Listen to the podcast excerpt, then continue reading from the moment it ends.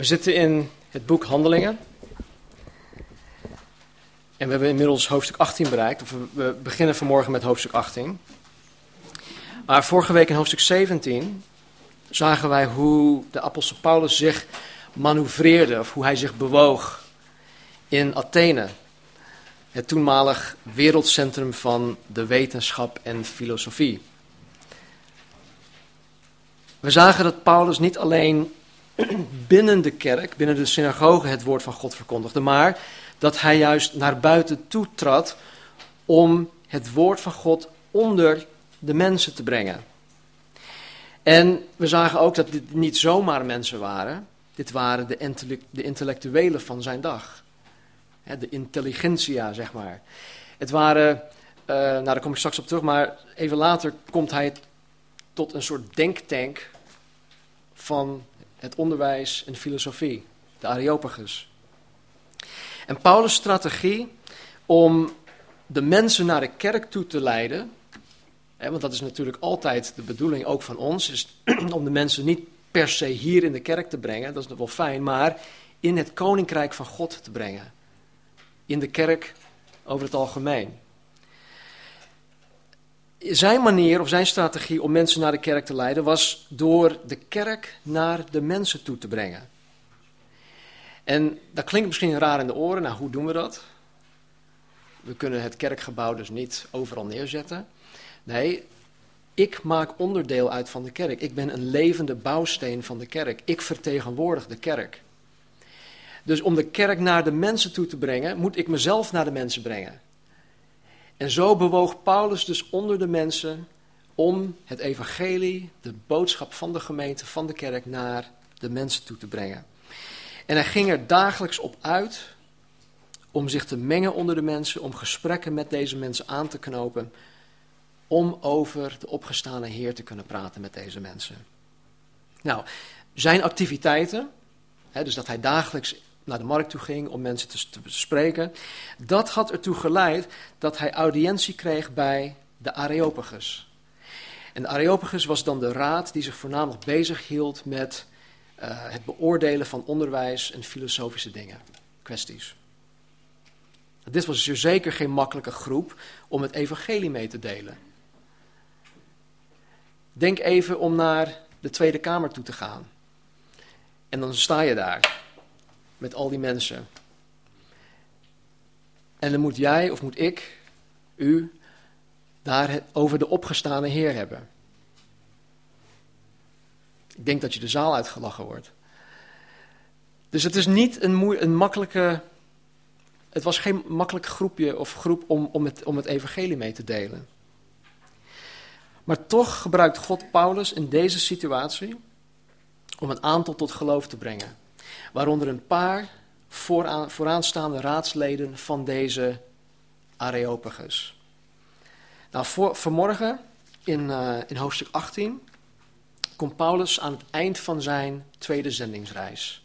Het heeft een aantal jaren geduurd. En hij komt nu aan het eind. In vers 22 zien wij dat hij weer terug is gekomen bij zijn thuisgemeente in Antiochië. Maar voordat wij naar vers 22 gaan, voordat hij in Antiochië aankomt, moet hij nog ruim anderhalf jaar met de Corinthiërs, of samen met de Corinthiërs, de kerk stichten. Dus laten we lezen. Laten we lezen vanuit hoofdstuk 18 en dan beginnen we met vers 1.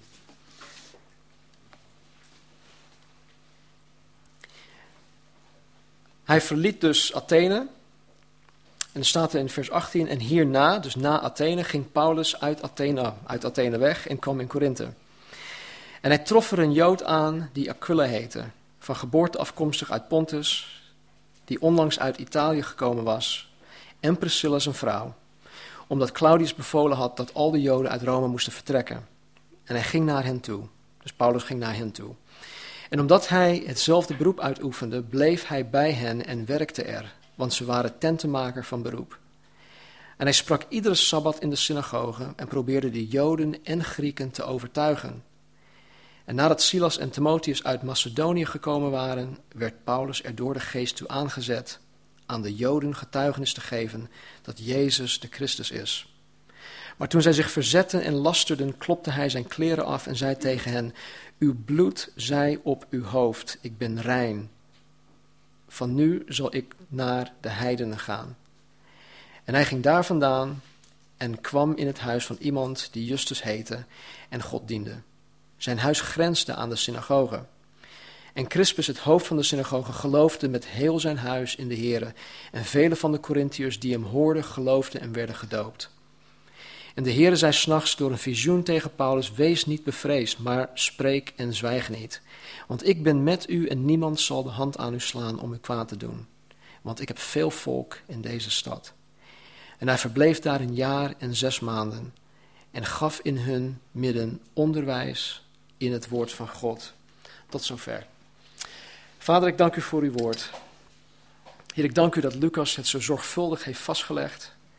En heren, dat de vele anderen na hem, heren, zo zorgvuldig alle dingen hebben vastgelegd voor ons, dat wij vandaag de dag nog steeds van uw woord mogen profiteren. En heren, ik dank u voor Paulus en zijn voorbeeld. Ik dank u voor Timotheus en Silas, heren, die zo radicaal voor u waren. Heren, help ons ook zo radicaal te zijn. Help ons zo radicaal te worden. Omwille van uw zoon onze Heer, onze Meester, onze Redder en Bevrijder, Jezus Christus. Amen. In vers 1 staat er, hierna ging Paulus uit Athene weg en hij kwam in Korinthe. Nou, Korinthe was destijds de groeiende en bloeiende Romeinse hoofdstad van de provincie Achaia. Nou, dat zeg je misschien helemaal niks, maar het was strategisch gelegen op de smalle uh, landengte tussen de Egeïsche en Adriatische Zee, waardoor het dus twee zee, zeehavens had. Je had een stuk, dat smal stukje land. Nou, het zat hier aan deze kant de Egeïsche Zee, aan die kant Adriatische Zee. Dus het had twee zeehavens. Dit maakte het een belangrijk handelscentrum van die tijd. Korinthe stond ook bekend als de stad waar alles mag. Vooral op het gebied van vrije seks. Alles mocht daar. En dit kwam voornamelijk doordat de Corinthiërs de godin Afrodite vereerden. De Afrodite was de godin van liefde en seksualiteit. Nou, niet de liefde die wij kennen vanuit de Bijbel, de agape-liefde, maar het was de eros-liefde, de lichamelijke liefde, de lustliefde. Eros, waar wij erotiek vandaan krijgen. Zij was de godin van de erotiek en seksualiteit. Haar tempel stond bovenop de 550 meter hoge bergrug, dat heette de Acrocorinthus.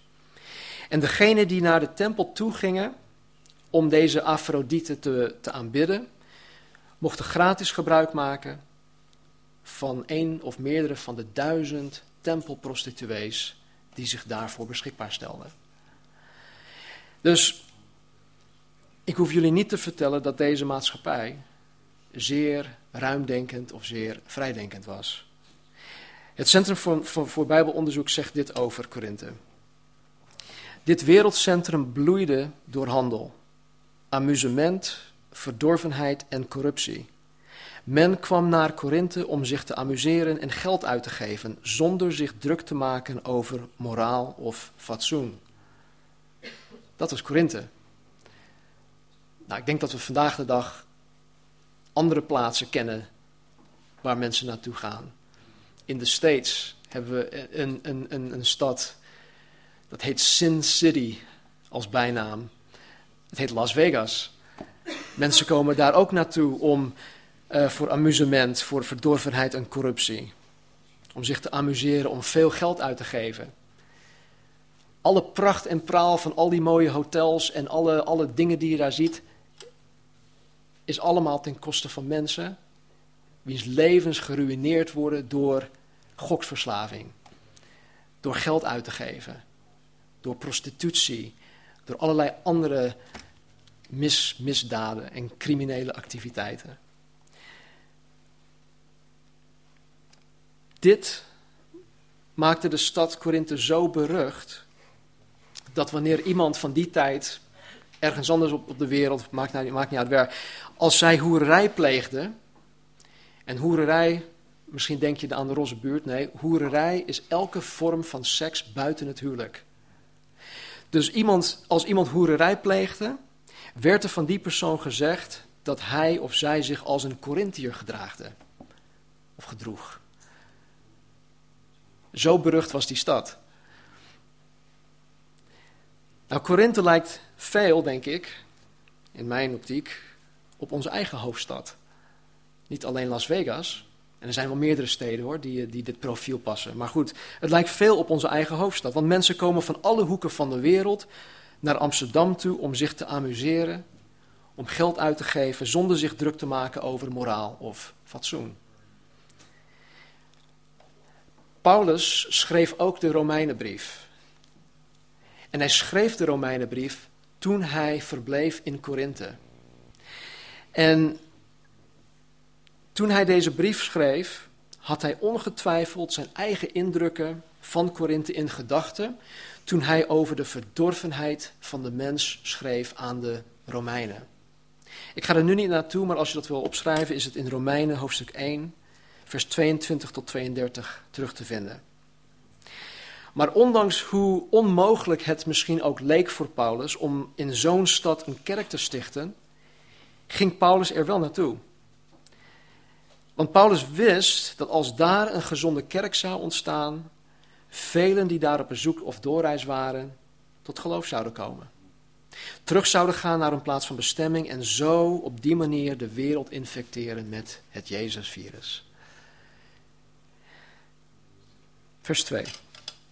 En hij trof er een Jood aan die Aquila heette, van geboorte afkomstig uit Pontus, die onlangs uit Italië gekomen was, en Priscilla zijn vrouw. Omdat Claudius bevolen had dat alle Joden uit Rome moesten vertrekken. En hij ging naar hen toe. Nou, Paulus kwam daar. Deze mensen, hij kwam daar deze mensen tegen. En dat was een echtpaar, Aquila en Priscilla. En we zullen zien, verderop in handelingen, maar ook in de brieven van Paulus, dat dit echtpaar heel veel voor Paulus gaat betekenen in de toekomst. En niet alleen voor Paulus, maar ook voor de gemeente. Hij zal, ze zullen heel veel voor hun gaan betekenen. En ze werden door keizer Claudius samen met alle Joden uit Rome gezet. Ze werden als het ware verbannen van Rome. En ik denk dat het meest waarschijnlijk te maken had met het feit dat de Joden altijd onrust stookten, doordat de christenen ook in Rome het evangelie verkondigde. Nou, we hebben inmiddels gezien dat waar Paulus ook kwam en hij bracht het evangelie, dat de Joden in, in, in, ja, in oproer kwamen en ze wilden Paulus doden. Nou, dat was ongetwijfeld ook het geval in Rome. De christenen brachten daar het evangelie, de Joden die maakten daar een hoop, uh, een hoop heibel. En de keizer zei, jongens, ik heb het helemaal gehad, weg ermee. Ik wil jullie hier niet meer zien. Dus hij stuurde alle Joden weg. Vers 3. En omdat hij, Paulus, hetzelfde beroep uitoefende, bleef hij bij hen, bij dit echtpaar, en hij werkte er. Want zij waren, van tenten, zij waren tentenmaker van beroep. Nou, Paulus was fariseer, voor, voordat hij tot bekering kwam. En als fariseer moest Paulus een vak leren om voor zijn eigen levensbehoeften te zorgen. En hij is tentenmaker geworden. Nou, hier staat dat hij als tentenmaker werkte. Dus Paulus was, kwam ja, blijkbaar zonder financiële steun naar Korinthe toe, naar Korinthe toe om, om daar het werk van de Heer te doen, om daar het evangelie te verkondigen. En we zien uit die andere brieven dat hij dit niet alleen in Korinthe deed, maar dat was voor hem heel normaal. Ondanks dat hij er recht op had om financiële steun te krijgen, en dat schrijft hij ook in de brieven, werkte hij vaker dan niet met zijn eigen handen. Hij deed dit ook in, in Efeze. In Handelingen 20, vers 34 schrijft hij dit. En zelf weet u dat deze handen dienst gedaan hebben om te voorzien in de behoeften van mij en van mij en van hen die bij mij waren. En dit zegt hij tot de oudsten van de kerk in Efeze. In 1 Thessalonicense 2 vers 9 zegt hij dit. Herinnert u zich toch onze inspanning en moeite, broeders. Want terwijl wij nacht en dag werkten om niemand van u tot last te zijn, hebben wij u het evangelie van God gepredikt. In 2 Thessalonicense 3:8. We hebben bij niemand brood gegeten voor niets, maar met inspanning en moeite werkten wij nacht en dag, eh, nacht en dag om niemand van u tot last te zijn. Dus de apostel Paulus vroeg aan niemand voor een soort vergoeding voor het uitoefenen van zijn bediening. En ik hoef ja, jullie eigenlijk niet te vertellen dat het vandaag de dag anders gaat. In sommige kringen komt een spreker pas wanneer er x aantal duizenden dollar op hun rekening is gestort. Voordat hij zelfs een toezegging geeft om te komen. Dat vind ik nergens terug in de Bijbel. Ook de apostel Paulus ging niet op die manier te werk. Nou, als kanttekening wil ik nog even kijken naar wat Paulus aan de Efeziërs schrijft over het werken. In Efeziërs 4, vers 28 zegt hij dit. Laat degene die steelt niet meer stelen, maar eerlijk de kost verdienen door zelf hard te werken om iets weg te kunnen geven aan wie het nodig heeft. Hij zegt hiermee, God wil dus niet dat jouw motivatie of mijn motivatie voor werken alleen maar is om veel geld te verdienen om aan mezelf uit te geven voor mijn eigen plezier. Dat is niet de bedoeling.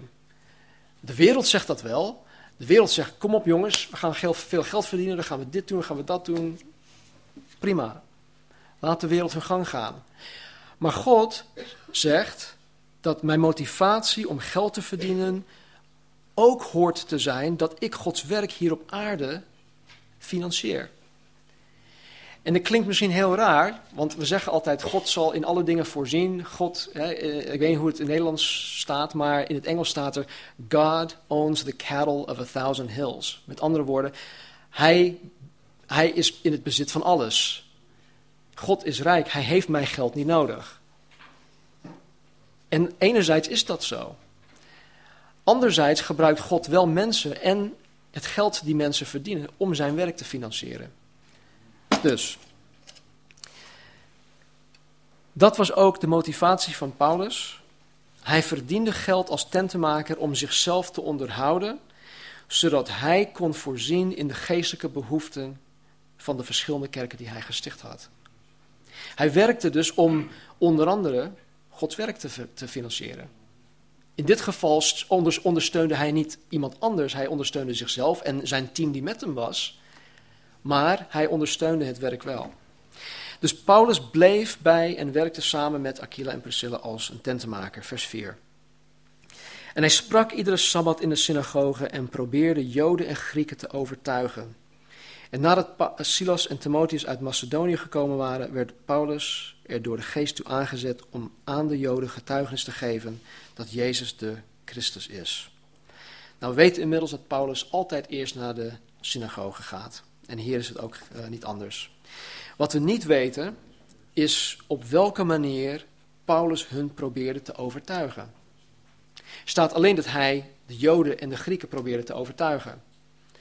Maar we zien in vers 5, pas nadat Silas en Timotheus aankwamen, dat hij uitlegde dat Jezus de Christus is. Dus wat hij voor hun aankomst in de synagoge had verteld, weet ik niet. Maar nadat zij aankwamen, had hij hun verteld dat Jezus de Christus is. Nou, ik kan me voorstellen dat Paulus zich zorgen maakte over de pasbekeerde mensen in Thessalonica. Hij was daar maar een heel korte tijd. De Joden die wilden hem vermoorden, dus hij moest daar met spoed weg. Hij kon zijn werk daar niet afmaken. En ik denk dat hij met veel zorgen en met veel vragen zat over zijn broeders in Thessalonica. Hij dacht misschien van, oh heer, hoe zit het nou met die persoon? Hoe gaat het met die? Wat is er met die gebeurd? Oh heer, uh, die heeft net zijn vader verloren. Oh, als hij maar niet van het geloof afvalt. En ongetwijfeld kende hij daar vele mensen die tot geloof zijn gekomen. En ongetwijfeld droeg hij deze mensen aan zijn hart. En ongetwijfeld bad hij ook dagelijks voor hen. Dat schrijft hij ook in zijn brief. Want hij wist niet precies hoe het met hen ging. En dat baarde hem zorgen.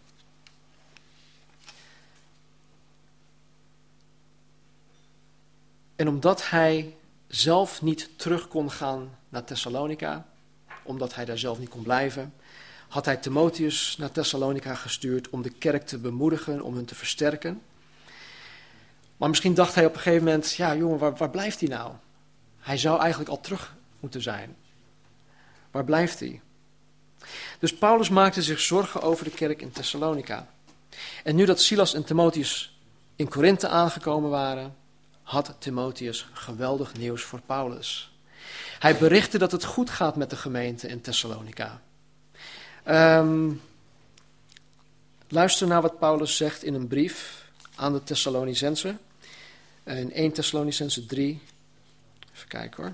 Ik zal het even opslaan, openslaan. Ja, 1 Thessalonicense 3, vers 1 en 2. En hij spreekt nu dus over de tijd dat hij in Korinthe was. Hij zegt daarom, toen wij dit verlangen niet langer konden verdragen, heeft het ons goed gedacht alleen in Athene achtergelaten te worden. En hebben we Timotheus gestuurd, onze broeder en Gods dienaar en onze medewerker in het evangelie van Christus, om u in uw geloof te versterken en te bemoedigen. Vers 5. Daarom heb ik, omdat ook dit verlangen niet langer kon verdragen, hem gestuurd om ten aanzien van uw geloof te weten te komen of de verzoeker u niet misschien verzocht had en onze inspanning te vergeef zou zijn geweest. Dus hij, hij, hij, hij maakte zich al zorgen over de christenen in Thessalonica. Misschien heeft de duivel hun al beroofd van al datgene wat hij hun gegeven had. Maar nu Timotheus zojuist van u bij ons teruggekomen is en ons de goede boodschap gebracht heeft van uw geloof en liefde, en dat u altijd een goede herinnering aan ons hebt en sterk verlangt om ons te zien zoals wij ook u. Zijn wij daardoor bemoedigd vanwege uw geloof, broeders, in al onze verdrukking en nood. Even terug naar handelingen. Paulus werd dus ontzettend bemoedigd door dit goede nieuws. En hij werd door de Heilige Geest ertoe aangezet om de Joden te vertellen dat Jezus de Christus is. Nou, misschien klinkt dit erg vanzelfsprekend dat Paulus zou vertellen dat Jezus de lang verwachte Messias is van de Joden. Ja, want dat doet hij. Dat is zijn ding, dat, dat doet hij overal. Maar als je nagaat, als je er even bij stilstaat, wat hij hun vertelt is menselijk gezien absurd. Paulus zegt, als het ware, dat iemand die als crimineel tot de dood werd veroordeeld, die gekruisigd werd, die begraven werd en na drie dagen uit de dood is opgestaan, hun lang verwachte Messias is, de Christus. Af en toe dan, dan, dan zeg ik dat hardop.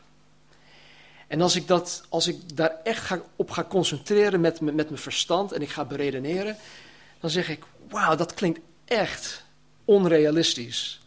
Dat klinkt echt absurd. Maar toch is het zo. Toch geloof ik daarin. Met heel mijn hart, ziel, verstand en kracht. En toch heeft God dat geloof in mijn hart geplaatst om in dat absurde te geloven. Wanneer we de Korinthebrief zullen bestuderen, dan zullen we ook zien wat Paulus daarover vindt. Of wat hij daarvan vindt, wat hij daarover zegt. dat de Grieken dat inderdaad als, als absurd zien en vinden dat ze daarover struikelen. Maar voor ons is het de kracht, de kracht die ons de redding geeft, de redding brengt. Dit is geen makkelijke boodschap om te brengen. Probeer het maar op die manier bij iemand te brengen. Zonder dat je iets toelicht of zonder dat je voorgesprek houdt of zonder dat die persoon voorbereid is op het gesprek. Dat je alleen maar zegt, oké, Jezus Christus is de Messias, hij is God. Hij is als crimineel tot de dood veroordeeld. Hij is gekruisigd, hij werd begraven, hij is drie dagen later is opgestaan en daar geloof ik in. Lastig. Mensen denken dat je gek bent. En alleen de Heilige Geest kan mij, kan jullie ertoe aanzetten om deze boodschap te verkondigen. Uit, uit mezelf zal ik dit niet doen. Ik ben bang dat ik uitgelachen zal worden. Maar dit is de kern van de boodschap. Hoe wij dat verpakken, hoe we dat brengen, hoe God ons leidt om het te verwoorden, hoe Hij mensen eh, voorbereidt daarop, dat is zijn pakje aan en Hij leidt ons daar ook in. Maar deze kernwaarheden, die moeten we niet omzeilen. Op een gegeven moment moeten wij wel komen op het, op het kern van het verhaal. Op de kern van het verhaal. Maar kijk hoe de boodschap bij hun overkomt. Vers 6. Maar toen zij zich verzetten en lasterden, klopte hij zijn kleren af, Paulus, en zei tegen hen: Uw bloed zij op uw hoofd, ik ben rein. Vanaf nu zal ik naar de heidenen gaan. De Heilige Geest beweegt Paulus om hun de harde waarheid te vertellen over wie Jezus is. Maar zij willen het niet geloven.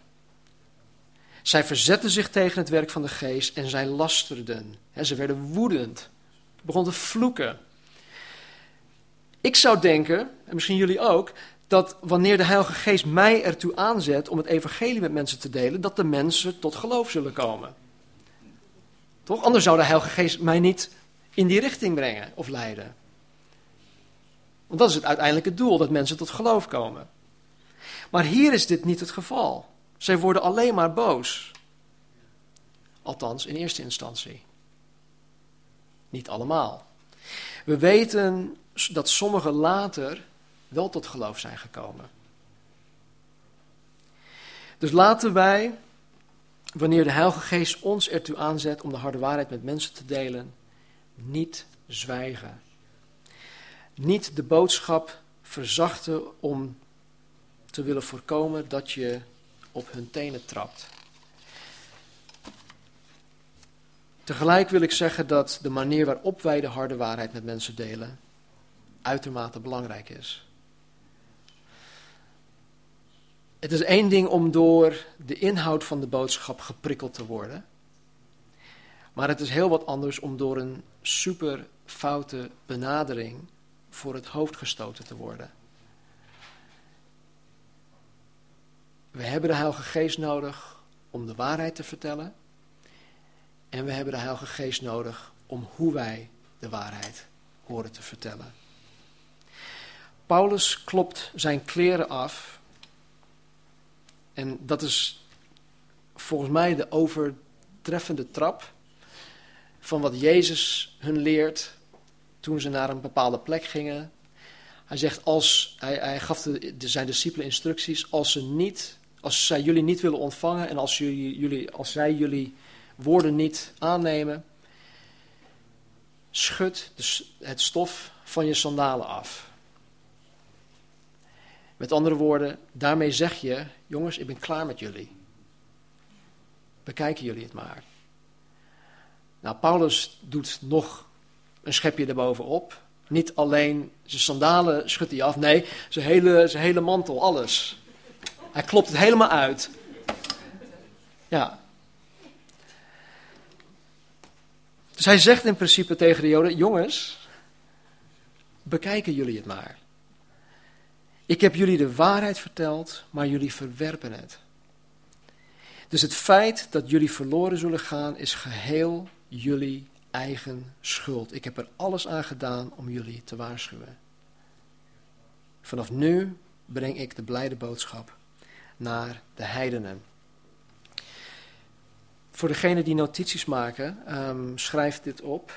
Ezekiel 3, 17 tot 21, tot en met 21. Daar gaan we nu niet naartoe, maar dat is voor, uh, voor later. Dat heeft hiermee te maken. Vers 7. En hij ging daar vandaan en kwam in het huis van iemand die Justus heette en God diende. Zijn huis grensde aan de synagoge. Nou, dat vind ik zo, zo mooi. Dat is een beetje komisch. Ik zie ook Gods ja, humor hierin, een beetje. De Joden van de synagoge verwerpen Paulus en het evangelie. Maar de buurman is een gelovige. die Paulus dan in huis neemt. En hij neemt niet alleen Paulus in huis, maar vervolgens worden de samenkomsten ook nog eens bij Justus gehouden. In dat huis. Dus je hebt, hier heb je de synagoge. Die mensen die zijn boos op Paulus, die verwerpen Paulus in het evangelie. En de buurman, die gelooft in Jezus. En daar hebben ze lofprijs en aanbidding. En ze hebben het over Jezus en Jezus en Jezus, dat hij de Christus is. Vers 8. En Crispus, het hoofd van de synagoge, geloofde met heel zijn huis in de Here. En vele van de Corinthiërs die hem hoorden, geloofden en werden gedoopt. Nou, ik zie dit meteen al, dat, uh, dat het besluit van Paulus um, meteen bevestigd wordt.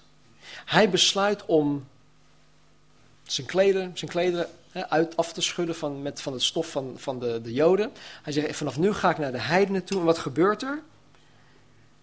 Crispus, de voorganger van de synagoge en alle mensen die bij hem thuis horen, inclusief zijn vrouw, kinderen, bedienden, iedereen komt tot geloof in Jezus Christus. Dat wordt al meteen bevestigd.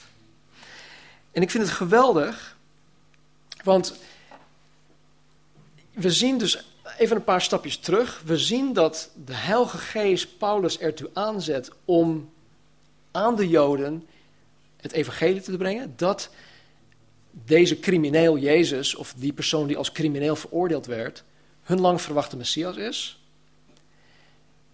Dat verwerpen ze, waardoor de situatie ontstaat dat Paulus zegt, jongens, ik heb het helemaal gehad met jullie, ik ga naar de heidenen toe. En God zegent dat. En God zegent het gigantisch. De voorganger van de, de synagoge wordt gelovig en zijn huishouden. En dan staat er ook nog eens, en velen van de Corinthiërs die hem hoorden of die over Crispus hoorden, geloofden en werden gedoopt. Dus het had, het had zo moeten zijn. Bij de roeping van Paulus zei Jezus ook: Ik heb jou geroepen om het evangelie aan de heidenen te brengen. Maar toch ging Paulus elke keer weer naar de Joden toe. En hij heeft veel meer succes gehad onder de heidenen dan de Joden. Dus wat ja, misschien lijkt op een, op een, een, uh, een drama, hè, dat, hij, dat hij boos werd, dat hij zegt, jongens, bekijk het maar, is uiteindelijk toch door God geleid dat hij zich helemaal ging richten en storten op de heidenen. En ik denk dat God ons op die manier ook wil leiden dat bepaalde dingen in ons leven ontstaan. Dat God bepaalde dingen gewoon toelaat om ons tot de volgende stap te leiden. Om ons tot de volgende fase te brengen. Om ons tot het volgende hoofdstuk in ons leven te brengen. En hoe onwaarschijnlijk het misschien ook lijkt op het moment dat je er doorheen gaat, wacht. Wacht op de Heer, blijf getrouw, blijf Hem zoeken, Blijf Hem navolgen. Blijf trouw in datgene wat God je heeft gegeven. En op een gegeven moment zal je zien dat God je zegent. Even verderop, in vers 17, zien we dat Sostenus hoofd van de synagoge is geworden. Dus het feit dat Crispus tot geloof is gekomen, heeft hem zijn baan gekost als voorganger. Maar ja, wat is belangrijker? Een tijdelijke baan of een eeuwig leven? Het voorbeeld van Crispus maakt een gigantische indruk, waardoor vele anderen tot geloof komen. er staat dat vele Corinthiërs die over het geloof van Crispus hoorden, geloofden en werden gedoopt. Nou, de vorm van het woord geloofde geeft voortduur en herhaling aan. Met andere woorden, mensen bleven maar tot geloof komen voortdurend. Ze bleven tot geloof. Ze bleven komen. Het gaat dus goed. De missie in Korinthe is tot nu toe een groot succes. Paulus mag blij zijn. Hij mag zijn zegeningen tellen. Het waren er veel. Maar, kijk wat er gebeurt. Vers 9. En de Heere zei s'nachts door een visioen tegen Paulus: Wees niet bevreesd, maar spreek en zwijg niet. De Heer komt tot Paulus in een visioen en zegt ten eerste om niet bang te zijn. vrees niet, Paulus. Dit impliceert dat Paulus bang was. Maar alles ging juist zo goed. Mensen reageerden positief op zijn boodschap. Velen kwamen tot geloof. Waarom bang? Misschien dacht Paulus aan wat hem de afgelopen jaren is overkomen in Listeren, in Derbe, in Thessalonica. Vergeet niet, hij werd gestenigd. Hij werd geslagen.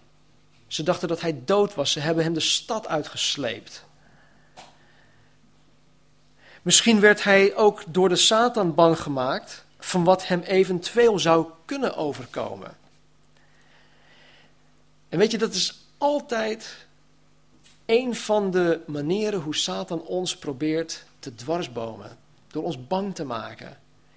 En niet zozeer bang over iets dat op dit moment afspeelt, maar iets dat eventueel zou kunnen gebeuren. Ik weet dat het nu goed gaat, maar oh, als het maar goed blijft. Wie weet wat er morgen gaat gebeuren. Oh jee, wat als dit of wat als dat. En we steken zoveel tijd en energie in wat als. En Satan zegt, wat als? Wat als dit of wat als dat? En misschien was dat ook het geval bij Paulus. Paulus, die had reden om bang te zijn.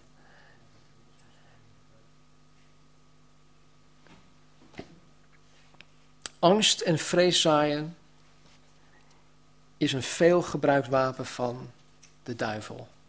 Waarom? Angst verlamt. Angst verlamt ons. Het weerhoudt ons om te doen waar wij bang voor zijn. Waar zijn we bang voor? Ik denk dat we allemaal iets hebben waar we bang voor zijn. Misschien hebben we het afgelopen jaar iets geleerd uit onze studie uit handelingen. Maar we zijn bang om stappen te zetten. En de Satan zegt: Ja, want als je dat doet, misschien kan dit gebeuren. Of wat als je dit doet? Oh nee, doe dat maar niet. Dus wij raken verlamd. Wij zetten die stap niet. Er zijn veel dingen waar ik bang voor ben om te doen in mijn bediening. En ook in mijn oor wordt, wordt gefluisterd van Stan, doe dat niet. Wat als dit of wat als dat? En ook ik ben in bepaalde dingen verlamd geraakt.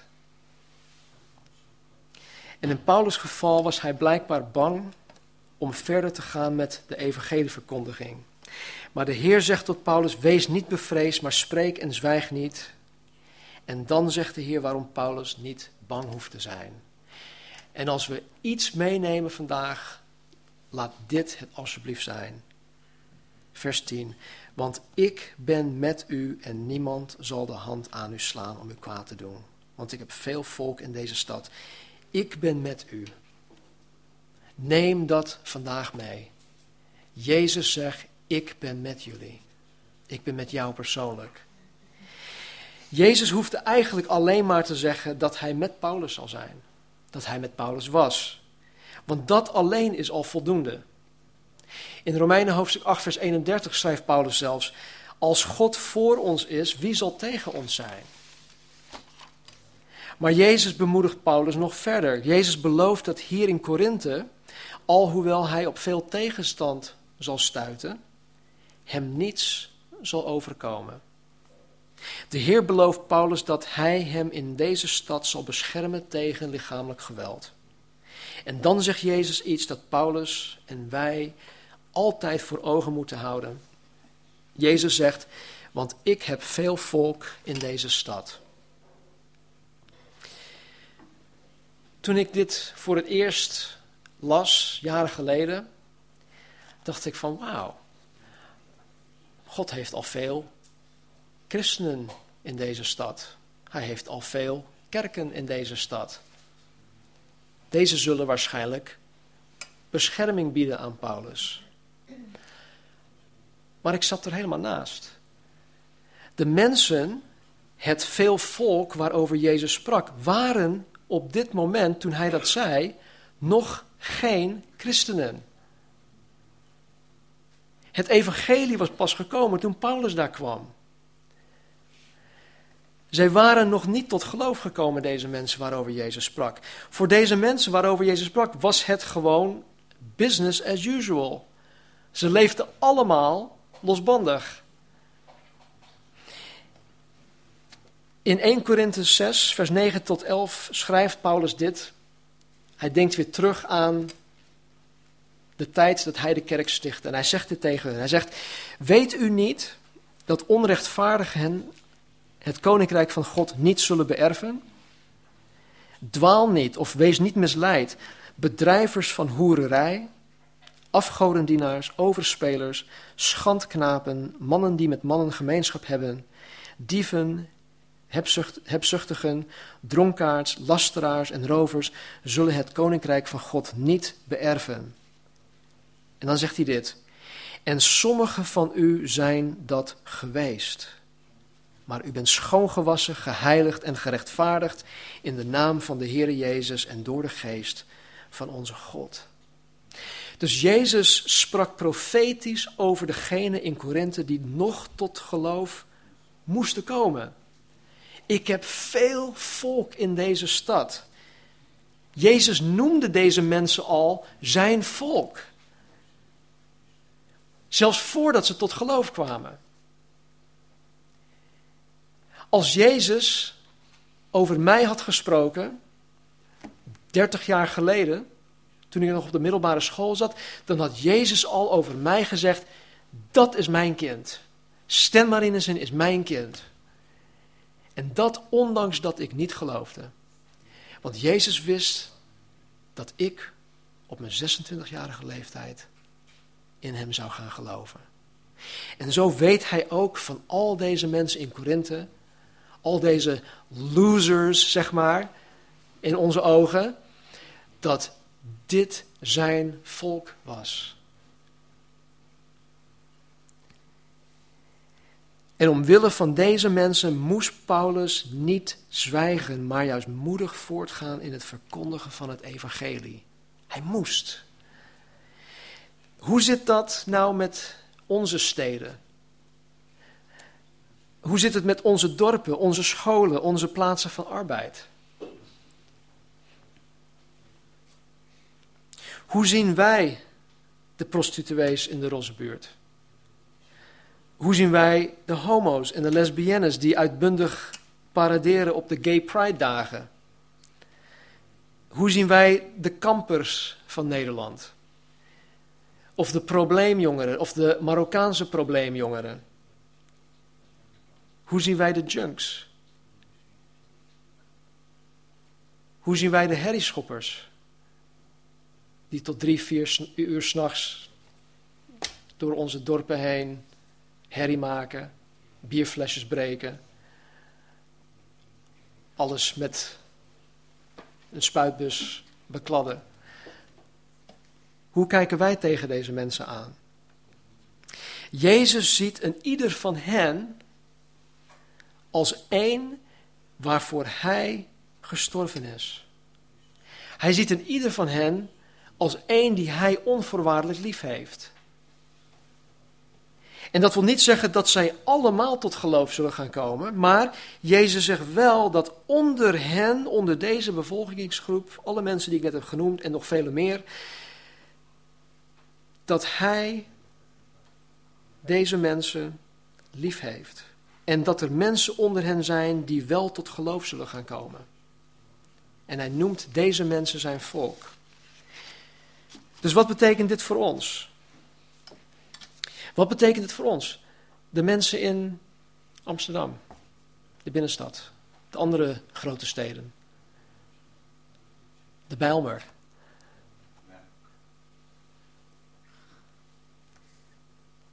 De Wallen. Hier in de Haarlemmermeer heb je ook wat wijken die minder aantrekkelijk zijn. Wat betekent dit voor ons? Precies hetzelfde dat het voor Paulus betekende. Jezus zegt, wees niet bevreesd, maar spreek en zwijg niet. Maar hoe doen wij dit? Hoe kan ik dit in de praktijk brengen? Ten eerste moeten we alle mensen zien door de bril van het kruis. Door het bril van Jezus Christus. Jezus is voor elk individu gestorven. Dus ook die skater met zijn wijde broek, die loopt te tieren en te vloeken. of die God of die emo met zijn zwarte ogen en zijn zwarte t-shirt. Met godslasterende dingen, afbeeldingen en noem maar op. Op zijn t-shirt. Wij moeten hun zien als iemand waarvoor Jezus Christus gestorven is. Wij moeten hun zien als iemand die Jezus Christus onvoorwaardelijk lief heeft. Ten tweede moeten wij voor deze mensen bidden. En dan bedoel ik niet, oh Heer, bid, ik bid nu voor alle gothics, ik bid nu voor alle emo's. Ik, nee, persoonlijk bidden.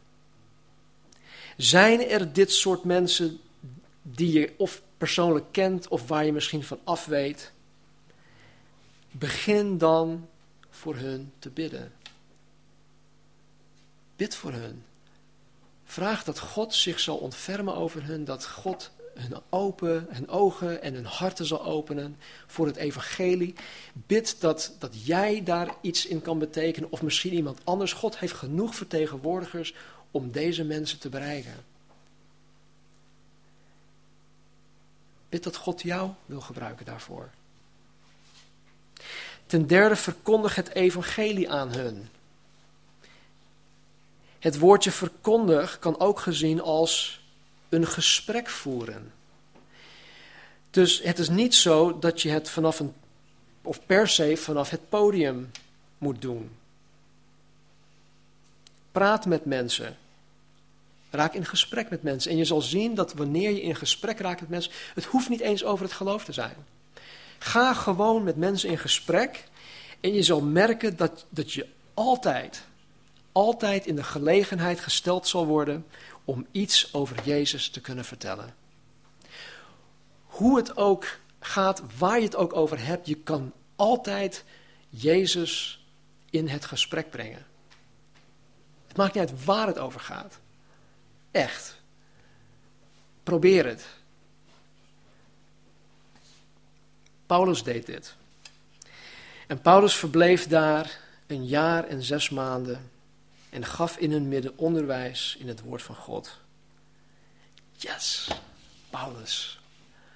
Wat een kanjer. Hij hield zich niet bezig met allerlei onzin.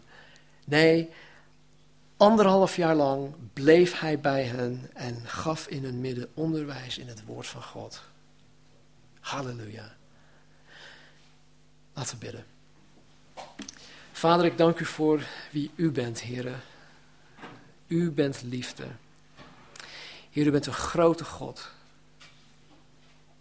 En Heer, u hebt uw zoon gegeven voor een ieder van ons. Heer, ook degene die in menselijke ogen, Heer, misschien niet veel waard zijn, of misschien helemaal niks waard zijn. Heer, u houdt van hen. En Heer, u bent aan het kruis gegaan voor een ieder van hen. U bent aan het kruis gegaan voor een ieder van ons. En Heer, waar wij misschien verkeerde beelden hebben, Heer, over deze mensen. Het zij de probleemjongeren. Of de probleem, de Marokkaanse probleemjongeren. Of de Antilliaanse probleemjongeren. Heren, wat onze beelden er ook over zijn, Heer, hoe wij hun ook zien. Heer, u ziet hun als iets kostbaar. Zo kostbaar zelfs dat u gestorven bent voor hen. En zo, Heer, help een ieder van ons, niet alleen deze mensen, maar alle mensen, Heer, te zien door, door de bril van Jezus Christus, door de bril van het kruis. En Heer, stel ons in staat om stappen te nemen. Heer, al zijn het hele kleine stapjes. Maar Heer, help ons om deze kleine stapjes te zetten. En Heer, van de morgen wanneer we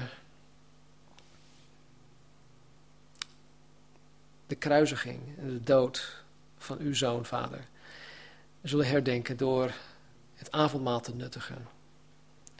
Heer, help ons om het kruis te zien. En Heer, herinner ons eraan dat het kruis niet alleen voor ons is, maar Heer, voor alle mensen buiten deze vier muren. En help ons, Heer, geef ons een hart om alle verlorenen die wij kennen of waarvan we weten, Heer, dicht aan ons hart te dragen. Heer, voor deze te bidden. Heer, voor deze te bidden dat wij in gesprek met hen zullen gaan. Dat we een gelegenheid krijgen, Heer, om met hen in gesprek te komen. En Heer, dat U het zal leiden. En Heer, waar we bang zijn, Heer, de dingen die wij vrezen, o Heer, help ons om onze ogen te richten op U. Want Heer, waar wij U zien, Heer, vervagen alle andere dingen. Heer, help ons. We hebben U nodig. Dank u wel, Heer. In Jezus' naam. Amen. Amen.